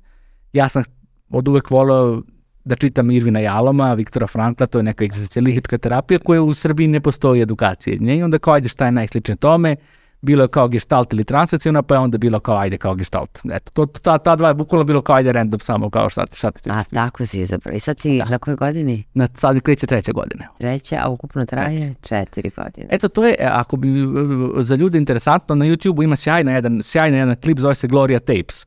To je iz 1965. ja mislim, gde sa jednom ženom Glorijom imamo live prikaz psihoterapije sa tri velika psihoterapeuta koji su kreatori određenih terapija. Znači, prvo ima seans od pola sata sa Carlom Rogersom, koji je osmislio client center terapiju u smislu na klijenta, pa ima pola sata sa Fritz Persson koji je tvorac gestalt terapije i pola sata sa Albertom Ellisom koji je, koji je tvorac repta. Eto, to je Sjajno, prosto, eto, sjajno. fenomenalni jedan klip gde možete da vidite malo eto, razlike između tih vrsta terapije. Da. A šta ćemo sa ovim drugim, da kažem, postoje naravno i socioterapije, nam je jako važno i koristimo ih u svakodnevnom radu, jel? Muzikoterapija, art terapija, pa onda evo sad smo uveli horti terapiju, pa terapiju plesom, filmom, pa terapiju terapija filmom. filmom. To su sjajne stvari, fizička aktivnost. Pre par godina, sećam se na jednom kongresu u Francusku, u Parizu, mislim, da je bila akcija da predsednik ove Evropske asocijacije izađe onda bio maraton, da psihijatri pokažu koliko je fizička aktivnost važna, zaista je važna za mentalno zdravlje. I to je, da kažemo, onako nekako bitan deo našeg posla. Nije ni malo, tako da mi definitivno dajemo lekove, ali ne da, mi smo samo, da kažem, orijentisani ka propisivanju pilula i takođe nismo orijentisani samo ka određenim dijagnozama, nego lečimo sve ljude koji imaju određene vrste dijagnoze, jel? I Kojih ima desetine i desetine. Da. Tako je, da, da, da. Ja moram priznati da je moj izbor e, psihoterapije bio krajnje pragmatičan, s obzirom da sam rekao da sam na porodičnoj, znači sistemska porodična terapija, isključivo pragmatičan razlog, a to je jer sam e, naravno i na teorijski način, ali pogotovo u praksi se ispostavilo da dete nekako ne možeš nikako odvojiti od svoje porodice i da svi problemi kod deteta, ovaj, ne mogu da kažem svi, ali najveća, najveća većina ovaj, em, problema potiče u stvari iz a, loših porodičnih konstelacija i onda sam nekako to izabrao. A, moram priznati da u, u ovom slučaju mislim da je psihoterapija ta izabrala mene, ovaj, nisam se ja nešto Mhm. tu o, mnogo odlučivao, znači bilo je KBT ili, odnosno ovo što je Mihajlo pomenuo, kognitivno-behavioralna terapija ili porodična terapija, jer su to neke terapije koje se u najvećoj meri primenjuju u praksi. Meni je Mhm. eto, trebalo jedno pragmatično rešenje kako ja da se, da, da uđem a, uopšte u terapijski proces sa celom porodicom, što je izuzetno, izuzetno veliki, ovaj, veliki izazov, da kažem.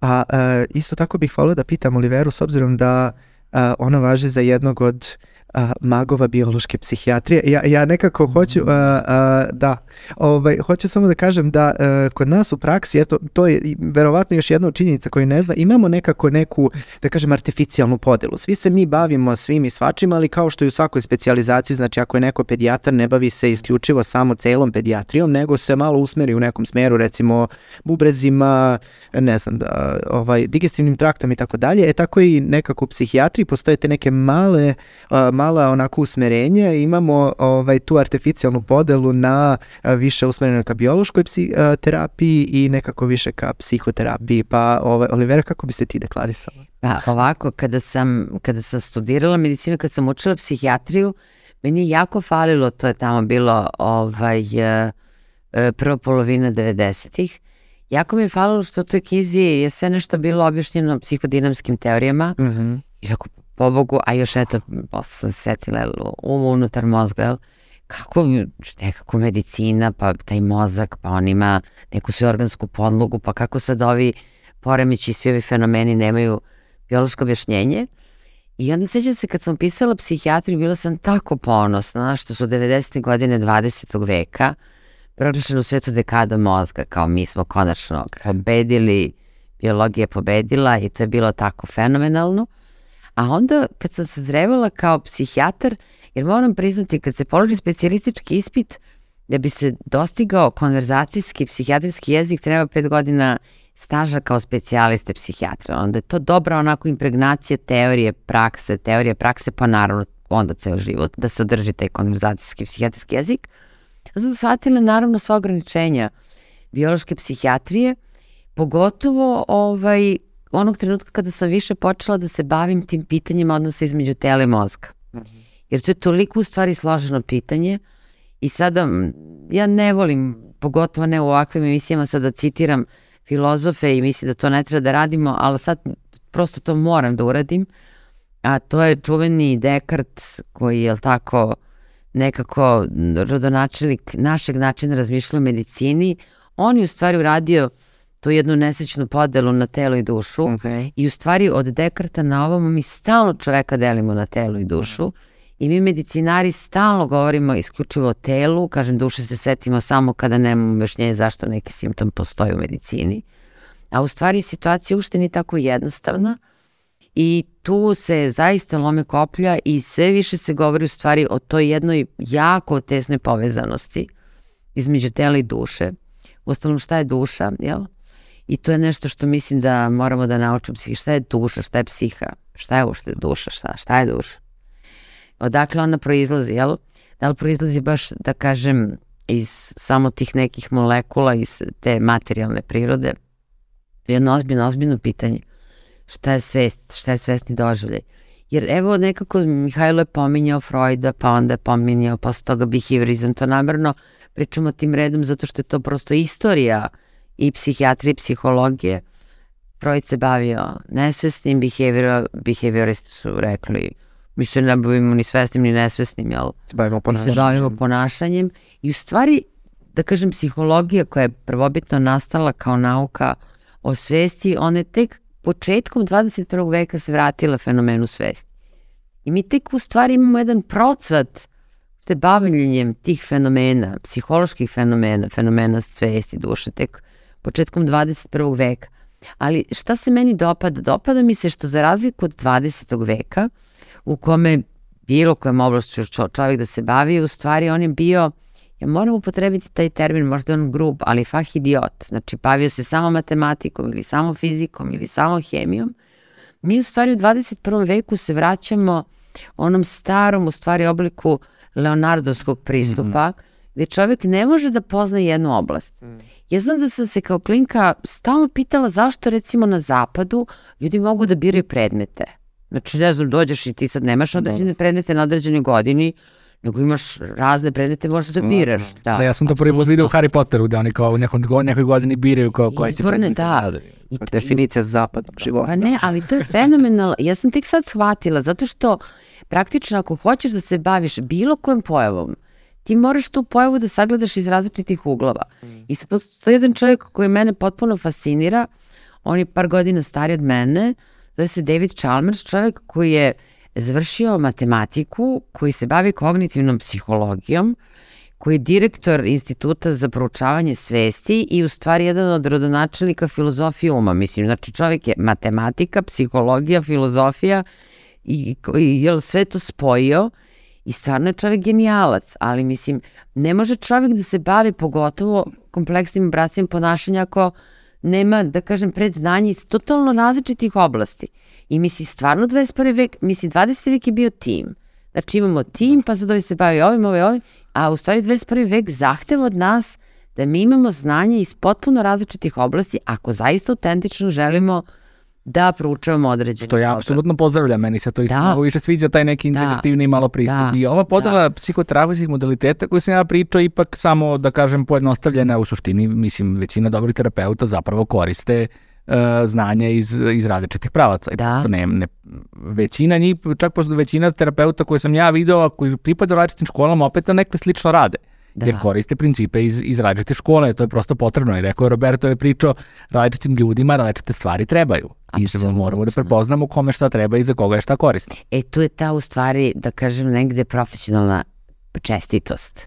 Da čovek treba da vidi i da kaže, ok, ti možeš da dolaziš kod mene. Evo, meni se skoro i desilo, došla mi žena, ima određen problem zaista življenja, dakle nije u pitanju dijagnoza, i kaže, jel mogu da dolazim kod vas više puta nedeljno? Ja kažem, vama to ne treba, a ako neko pristane na to, to neće da bude za vaše dobro. Mm. Mislim, znate, ovaj, prosto moramo negde da, da znamo i koliko i na koji način nekom treba da pružimo pomoć i na, da li je to za nas ili nije za nas. Mislim, tu moramo da budemo stvarno profesionalno etični. Jako je važno. Meni se sviđa ovo što si rekla vezano za integrativni pristup. Mm. Zaista smatram da je to jako bitno, ali imam jedan lični problem sa tim. S obzirom da dolazimo onda do konce- koncepta vremena, e, nekako jako je teško, meni to potpuno ludilo zvuči da se neko bavi matematikom, filozofijom i ne znam ti ni ja još čime. I onda dolazimo do, do ok, super integracije, ali ja se onda pitam, sa druge strane imaju ljudi koji se vrlo pragmatično bave samo jednom vrlo usko specifičnom stvar. Recimo je to, ne znam, bave se samo anoreksijom, ne poremećem mišljenja, nego samo anoreksijom. Da li je to u stvari onda bolji, pragmatičniji pristup, da li će on biti bolji stručak ili neko ko se nekako pomalo bavi matematikom, pa malo razume filozofiju, pa malo i psihijatriju, pa malo i kliniku, pa malo i ovo i ono. Mislim, mi smo ipak ljudi na kraju Da. krajeva. Shvatam, shvatam šta hoćeš da pitaš. Pazi, e, ovaj čovjek je završio fakultet jedan, pa je onda išao, da kažem, na, pa doktorirao na filozofiju uma, pa je se bavio, znači on nije, da kažem, svaštario, bavio se Aha. svim tim, on ima osmine edukacije. Pa to je, to je ta mogućnost izbora predmeta. Mhm. Mi nemamo tu mogućnost, jer mi smo učili i očne, i ušne, i dermatologiju, i šta sve nismo učili, jel? A zapravo time se ne bavimo. Anatomiju. prvo. anatomija. tako Molim je. vas, Gigantski ne pominjite reč na A. Da. Ovo je Ne, ali i tekako, i tekako smo radili, jel, razne stvari, a mogli smo recimo da izaberemo neke predmete koji su nam Da. daleko bliski i to je nešto što fali, ali mislim da tokom specijalizacije, makar evo, ekipa kojom ja sarađujem, vrlo su ljudi, da kažem, imaju i tu intelektualnu radoznalost i, i bave se, da kažem, tim različitim oblastima. I to je lepota, to je ono što je Milutin rekao, što, što stvarno psihijatrija daje čoveku mogućnost da proučava jedan fenomen iz različitih uglova i te koji se bave anoreksijom, ako ne bude, da kažemo, obuhvatio sve ili oni koji se bavi depresijom, on nikada neće biti na dobrom putu. Da. Apsolutno neće biti na dobrom putu. Mislim, mora, mora da postoji jedna erudicija. Slažem se i ta podela koju smo pričali na neku biološku ili i psihološku granu psihoterapije isto samo uslovna da kažem. Ja sam nekako viđao i biološke psihijatre koji su imali briljantne briljantne psihodinamske interpretacije onako spontano određenih pacijenata. Isto tako i ljude koji se primarno bave psihoterapijom koji naglašavaju značaj farmakoterapije u određenim aspektima. Čak mislim da i u ovom udžbeniku psihoterapije koji se nalazi ovde sad iza vas dvoje, mislim da postoji jedno isto, postoji poglavlje o farmakoterapiji u okviru psihoterapije. Mislim da je taj nekako kompletni pristup jedino što, to jest nije jedino, ali to je ono što nam garantuje da smo probali da sagledamo nešto sa što više strana i samim tim da, da što bolju sliku stvorimo. Apsolutno, potpuno neraskidivo i, i, i, i bespotrebno nekako, zašto sam rekao, postoji ta artificijalna podela. Za mene je to potpuno ludost da, da mi odvajamo jedno od drugog. Zašto? To su nam neki različita sredstva da se borimo protiv istih stvari i nekako mislim da bi trebalo to da koristimo ovo što je Olivera rekla, znači potpuno integrativno, ne samo da sagledavamo psihijatriju s različitih strana, nego čoveka kao čoveka da gledamo ne iz psihijatrijske perspektive, nego da ga gledamo kao potpuno jednu individu. Druga stvar, mnogo sam učila od svojih profesora, sećam se, profesor Pejović nam je naglašavao da moramo da znamo mentalitet. Moramo da znamo mentalitet pojedinih sredina iz kojih ljudi dolaze. Jer ako ne znaš mentalitet, ako ne znaš prirodu, ili recimo, evo ti se baviš adolescentima. Sjećam se, ovaj, kada je davno je to bilo, došla jedna adolescentkinja i sad ona je bila depresivna i onako, imala jedan specifičan aspekt kako adolescenti ume da imaju, jel? I ja sam primetila u stvari da ona sluša metal. I onda sam počela da pitam koji, koji pravac metala sluša i ona me onako proprezio pogledala kao Šta ti šta, znaš? sad ti ćeš znaš meni, metala da. to. Ali ja sam prosto, u stvari, kroz metal i kroz te pravce koje ona slušala, jer ona je slušala pre svega dead metal, u stvari došla do nje. Da. Moraš da znaš i mentalitete ljudi koji dolaze iz raznih sredina, moraš da znaš subkulture, Apsolutno. jer da bi, kako, kako shvatiti čoveka ako to ne znamo, jel? Oliver, ne mogu da ti opišem na šta moja playlista iz, na šta Da, liči. Znači ja se sad bavim decom i adolescentima, ljudi moji, vi ne možete zamisliti šta ja moram da, kojim tehnikama da se dovija. Da, da. Ne možeš ih razumeti ako ne slušaš to što oni slušaju i ako ne gledaš to što oni gledaju. Ja imam dosta kolega koji rade na dečjoj klinici koji prosto imamo tokom grupa izađu neke mislim grupa pacijenata na odeljenju i a, prosto izađu neke teme se rode ti prosto si uz, šta je to, kamo se prvi put čujem za evo, mislim ono sigurno dead metal kad ti neko pomene prvi put ti si, da, e, a da ne pričamo o drugim konceptima sada ek, potpuna ekspanzija TikToka društvenih mreža, ne Da, možeš da. sve ni da ispratiš i sve sindrome i sve pseudo neke ne znam stvari i p- pravce muzike i pravce filma i pravce knjiga i ne znam ti više nija šta i stripova i manga i mislim svega, svega i onda nekako moraš tu integrativnost da ideš i na, to, na tom nivou i sad mislim sramota ali prosto moja Spotify lista sada trenutno liči na a, mo, mogu priznati mislim da bi me neki a, dobar psihijatar Hospitalizovao. Ne, ali- da, da. Znaš kako, zato volim što radimo ovaj, u Institutu za mentalno zdravlje. Radimo zajedno, jer ta razmena je bitna. Ne može naravno svako sve da čita. Ali evo što smo sad uveli recimo aktuelnosti. Jel, svakog meseca imamo lekcije posvećene određenoj grupi problema i tako dalje. Jer nemoguće je naravno Za jednog čoveka, za sve čoveka. Da. Tako je. Ali zato timski onda, ne znam, ovi obrade jednu temu, ovi drugu, ovi treću. Zato postoje, da kažem, te aktivnosti koje mislim da, na, da se nas oplemenjuju institutu. Zaista to mislim. Učimo jedni od drugih. Stalno To, to je ta beskrajna širina psihijatrije koje nekad nekad i nemoguće obuhvatiti i baš ovo o čemu smo pričali malo pre o toj neophodnosti da se e, poznaje kultura, subkultura, to je, mislim, to je nešto što, nažalost, nema mnogo toga u knjigama i zato je nekako značaj iskustva i zajedničkog rada, pa evo, verujem da smo Roberto i ja krenuši da se bavimo psihijatrijom otprilike u slično vreme u, tom, o tom aspektu nekako najviše naučili u doktora Gorana Gajića koji je bio legenda instituta koji je i dalje, ne, i dalje legenda i koji je ovaj nekako nam nekako meni bar potpuno otvorio oči sa to, što tiče tog aspekta neko razumevanja podneblja odakle neko dolazi nekih e. porodičnih odnosa vlade u određenim periodima, kakva, kakva vrsta tegoba se javlja u kom, u kom delu Srbije, na primjer, eto tako neke, da, neke da. stvari koje su onako izuzetno važne. Ja znam kolega dr. Srđan Bokonjić, on je došao iz Sarajeva, on je prosto proučavao mentalitet različitih delova Srbije da bi mogao da komunicira, da bi shvatio ljude koliko je to bitno. Ali isto tako je važno ova naša razmena, recimo sjajna stvar što je Milutin, Milutin Kostić napravio book club, gde vi da. sedite, znači da neko pročita neku knjigu, delite interesovanja, razmenjujete iskustvo, čitate neke stvari, jel? Što postoje različiti oblici gde se mi nalazimo i pričamo. To je ono što, recimo, ja verujem da privatna praksa je sjajna stvar da čovjek samostalan, sloboda, svoj i tako dalje. Ali nekako mislim da je poprilično otkinut od ovog networka koji mi imamo, jel? Ja moram samo da, na, da se nadovežem, znači s obzirom da sam evo već dugo išao na svoju ličnu psihoterapiju na, kod nekoliko terapeuta i moram da priznam da sam se u jednom trenutku ubacio u terapijski mod i onda pitam, a šta, kako je raditi u, u privatnoj praksi? Eto, to me baš me to zanimalo. Da, da. A, s obzirom da dosta naših kolega radi, nikad nisam znao nekako koje su prednosti i mane toga. Da. I svi su imali isti odgovor. To je to upravo to što si ti rekla. Znači, pa svi su oni pre toga radili u nekoj ustanovi.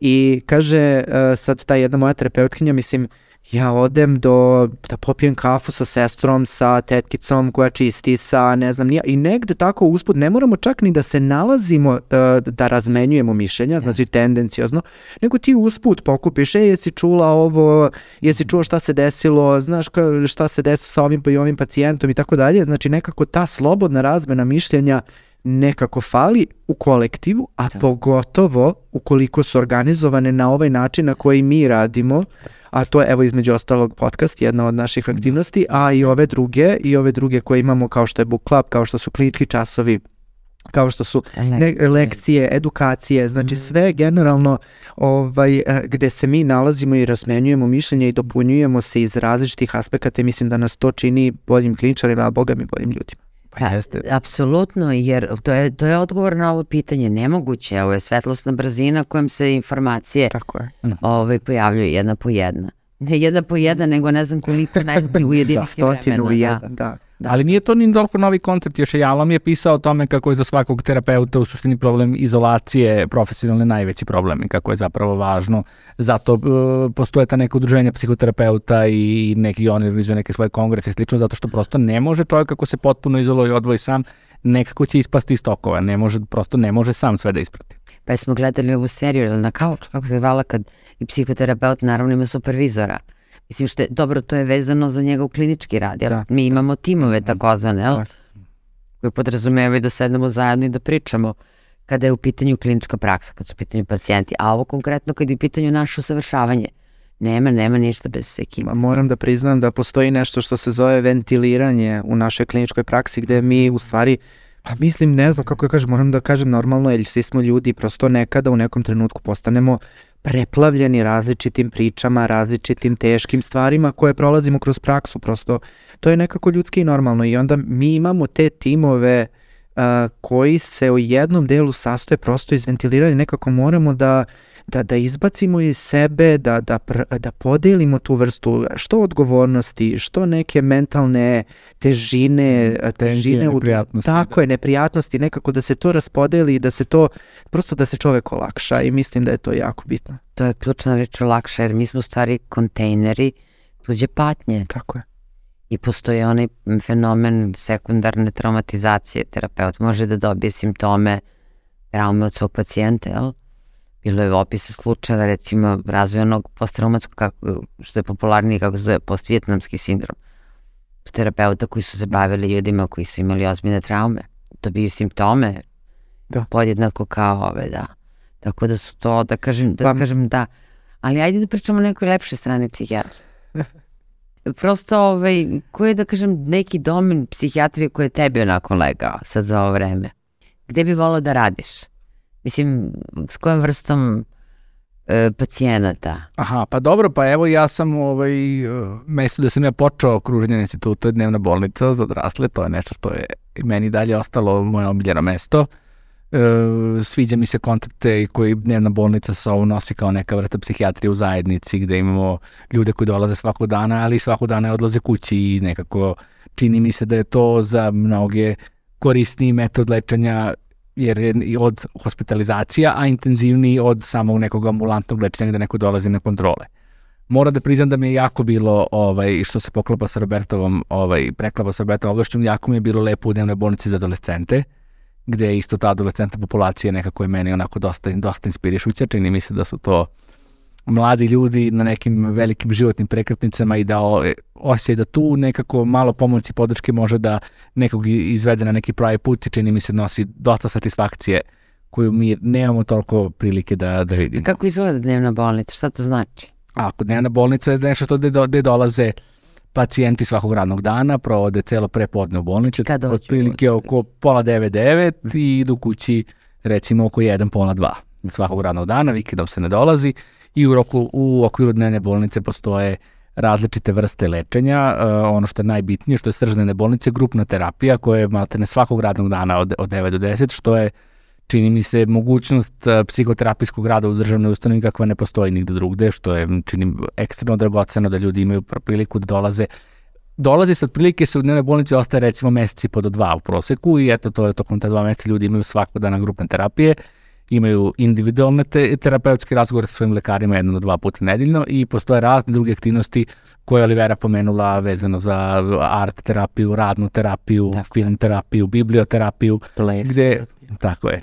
Znači ra, razne aktivnosti koje kroz neke, gde se, s jedne strane se radi i neka aktivacija i e, da kažem resocijalizacija pacijenata koji su... A kako pacijenti svi sede tako u jednoj prostoriji? Tako je, postoji ta zajednička, zajednička ovaj, prostorija gde su oni, gde se sve te aktivnosti uh, izvode, postoje oni imaju naravno i pauze tokom kojih mogu da piju kafu, puše, kad je lepo vreme ima, oni su bašti instituta, imaju da gde onako, onako imaju dosta prijatnu atmosferu i čini mi se da je onako kao kažem, do, do, spaja to da je, da je, da je lečenje dosta intenzivno s obzirom da su aktivnosti dosta zgusnute tokom dana, a u isto vreme nije nešto što je nosi tako neku težinu kao hospitalizacija u psihijatrijskoj ustanovi na zaključanom odeljenju, yes. koje Ali zašto zahvalna sam ti jer kao što smo prvo razbili iluziju da psihijatar je onaj koji daje lekove, jel?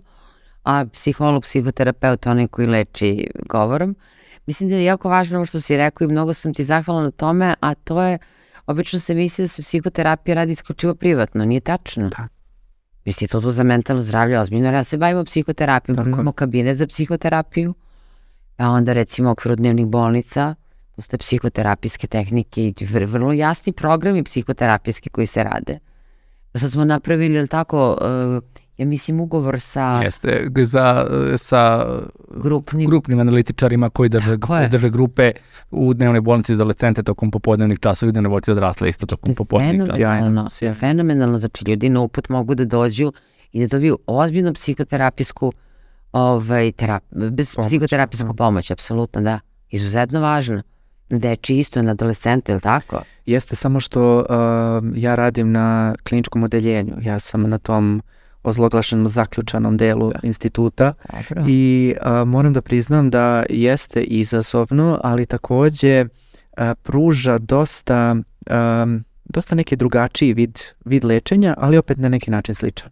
Znači mi takođe na kliničkom odeljenju imamo uh, razne aktivnosti, znači tu postoje i takođe te psihoterapijske grupe, okay. postoje individualni razgovori sa svakim okay. pacijentom, postoje različite vrste uh, ovaj, uh, art terapije, radne terapije i tako dalje i tako dalje sad ne, da, da, da, ne, ovaj, da ne nabrajam, ali mi je vrlo inspirisalo pitanje ovo što je Olivera čime bismo volili da se bavimo.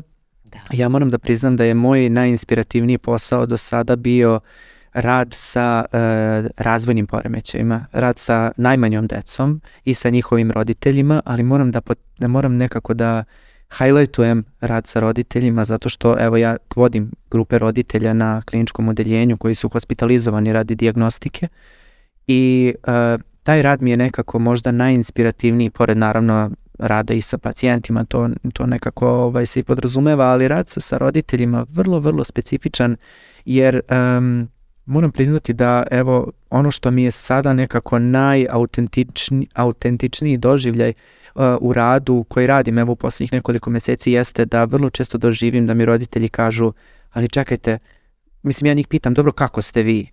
A potpuno je jedno ljudsko pitanje, ko ste i kako ste i to je prvo pitanje koje, i on kaže ja sam ta i ta, mi smo došli ovde jer moje dete t, t, t, t, t, t, t, i onda kreće priča o detetu narednih sat vremena, nezaustavljivo, ljudi mi ne možete zamisliti, znači to je navežbana priča o koja može da ide u beskraj.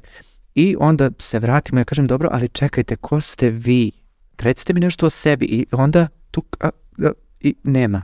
To je dve rečenice. I onda shvatim prosto da, i onda, da, i dođemo e, do druge stvari kao kako ste. E, kako mislite kako sam? Ja kako sam? Ja kao majka, mislim, moje dete kako je, hoćete to da vam pričam. I prosto vidim da kroz priču sa njima oni kažu pa čekajte, pa, nas niko nije pitao kako smo. Evo mi idemo po raznim terapeutima, raznim ustanovama i tako niko, niko nije došao da nas pita kako smo mi. I, i, i nekako prepo, prepoznajem koliko je u stvari bitno, jer roditelj je naš glavni resurs u radu sa, sa, u radu sa decom. Mi ako izgubimo te roditelje, mislim, uslovno rečeno izgubimo ako prosto dešava se, mi, mi vidimo u raznoj, u kliničkoj praksi svašta, prosto dignu ruke, odlepe, mislim, kako ja kažem, dođe im do, do, do, do kraja i, ovaj, i prosto primetim da se jako malo u kliničkoj praksi bavimo roditeljima i to su čak poentirali i na drugom ovom podcastu naših kolega koji su takođe rekli da rad sa porodicama je u stvari jedan jako bitan rad koji mislim da se u nekim aspektima a, psihoterapije i rada kliničkog zapostavlja. Ja moram priznati da mi je najdivniji moment kada a, imam recimo ogromnu ambulantu, čekaju pacijenti, onda uđe neko od pacijenata i kaže, doktorka kako ste? Ja stanem i razmišljam, stvarno kako sam ja? kako ide onaj vid? Kako je psihijatra? Da. Kako ide onaj vid? Kaže, srela se dva psihijatra, kako razgovaraju, kaže, vidim ti si dobra, kako sam ja? da, da. Tako da sam, ovaj, posle, kad, pošto su naše ambulante poprilično onako, jel, dosta pacijenata dođe, onda jedno 20, kad je ušla, kaže, doktorka, ja mislim da biste vi trebali da popijete nešto za smirenje. Ne, majte vi, ovo, ja sam 20 danas koja je došla. Ne, divno je. Kako ljudi prepoznaju. Ali ne, zaista taj rad sa ljudima je meni nekako... I znate, kad vi vidite, kad vi vidite takvu dramatičnu promenu, naravno potrebno je vreme, potrebna investicija, potreban je trud, ali stvarno je to velika mm -hmm. satisfakcija našeg posla. Tako. I to je isto jedna ogromna predrasuda protiv koja misli da treba da se borimo, a to je da mi u psihijatriji ne možemo da uradimo ništa.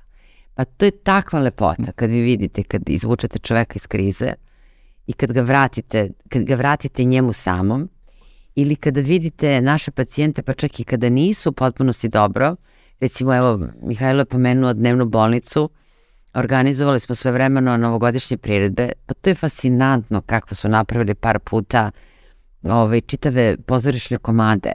I sad vi u stvari izađete iz one uloge gde vi sedite u ordinaciji i sad samo slušate neke tegobe, tegobe, tegobe. Vi pred sobom vidite ljude, vidite kreativne ljude, vidite apsolutno njihovu dušu i sve ono potencijalo, one zdrave potencijale koje oni u sebi nose i u kojima briljiraju.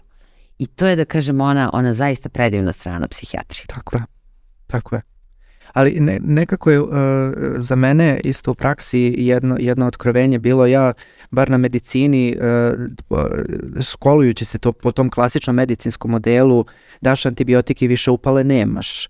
I prosto uh, nekako se koncept rešavanja problema u mojoj glavi promenio od kako sam krenuo na psihijatriju, gde sam video da psihijatar ne reši uvek ceo problem, nego reši deo problema može da reši samo jedan mali segment, a čovek bude procveta. Prosto od čoveka koji prosto ne može da izađe iz kuće ili potpuno je nefunkcionalan, dođemo do momenta da funkcioniše. Mi, mi ne kažemo da je medicina sve moguća, a kamoli psihijatrija, ali dosta toga može da uradi da, da, da ljudima pomogne I, i mislim da upravo što, ovo što je Olivera rekla, moramo onako zdušno da se borimo, da, da, da razbijemo taj uh, um, to uvreženo mišljenje, pa moram da priznam čak i među našim kolegama dragim sa medicine, koji vrlo Da. često kažu To vi pa vi šta, pa nije šta je to, mislim psihijatrija, to ne, mislim to je već otpisan sluh, mislim Da. kako da kažem, da. Vrlo često sam čuo tu, tu vrstu rečenice. Ništa da pozovemo kolege da dođu kod nas, mislim na druge specijalnosti. Jedva čekam.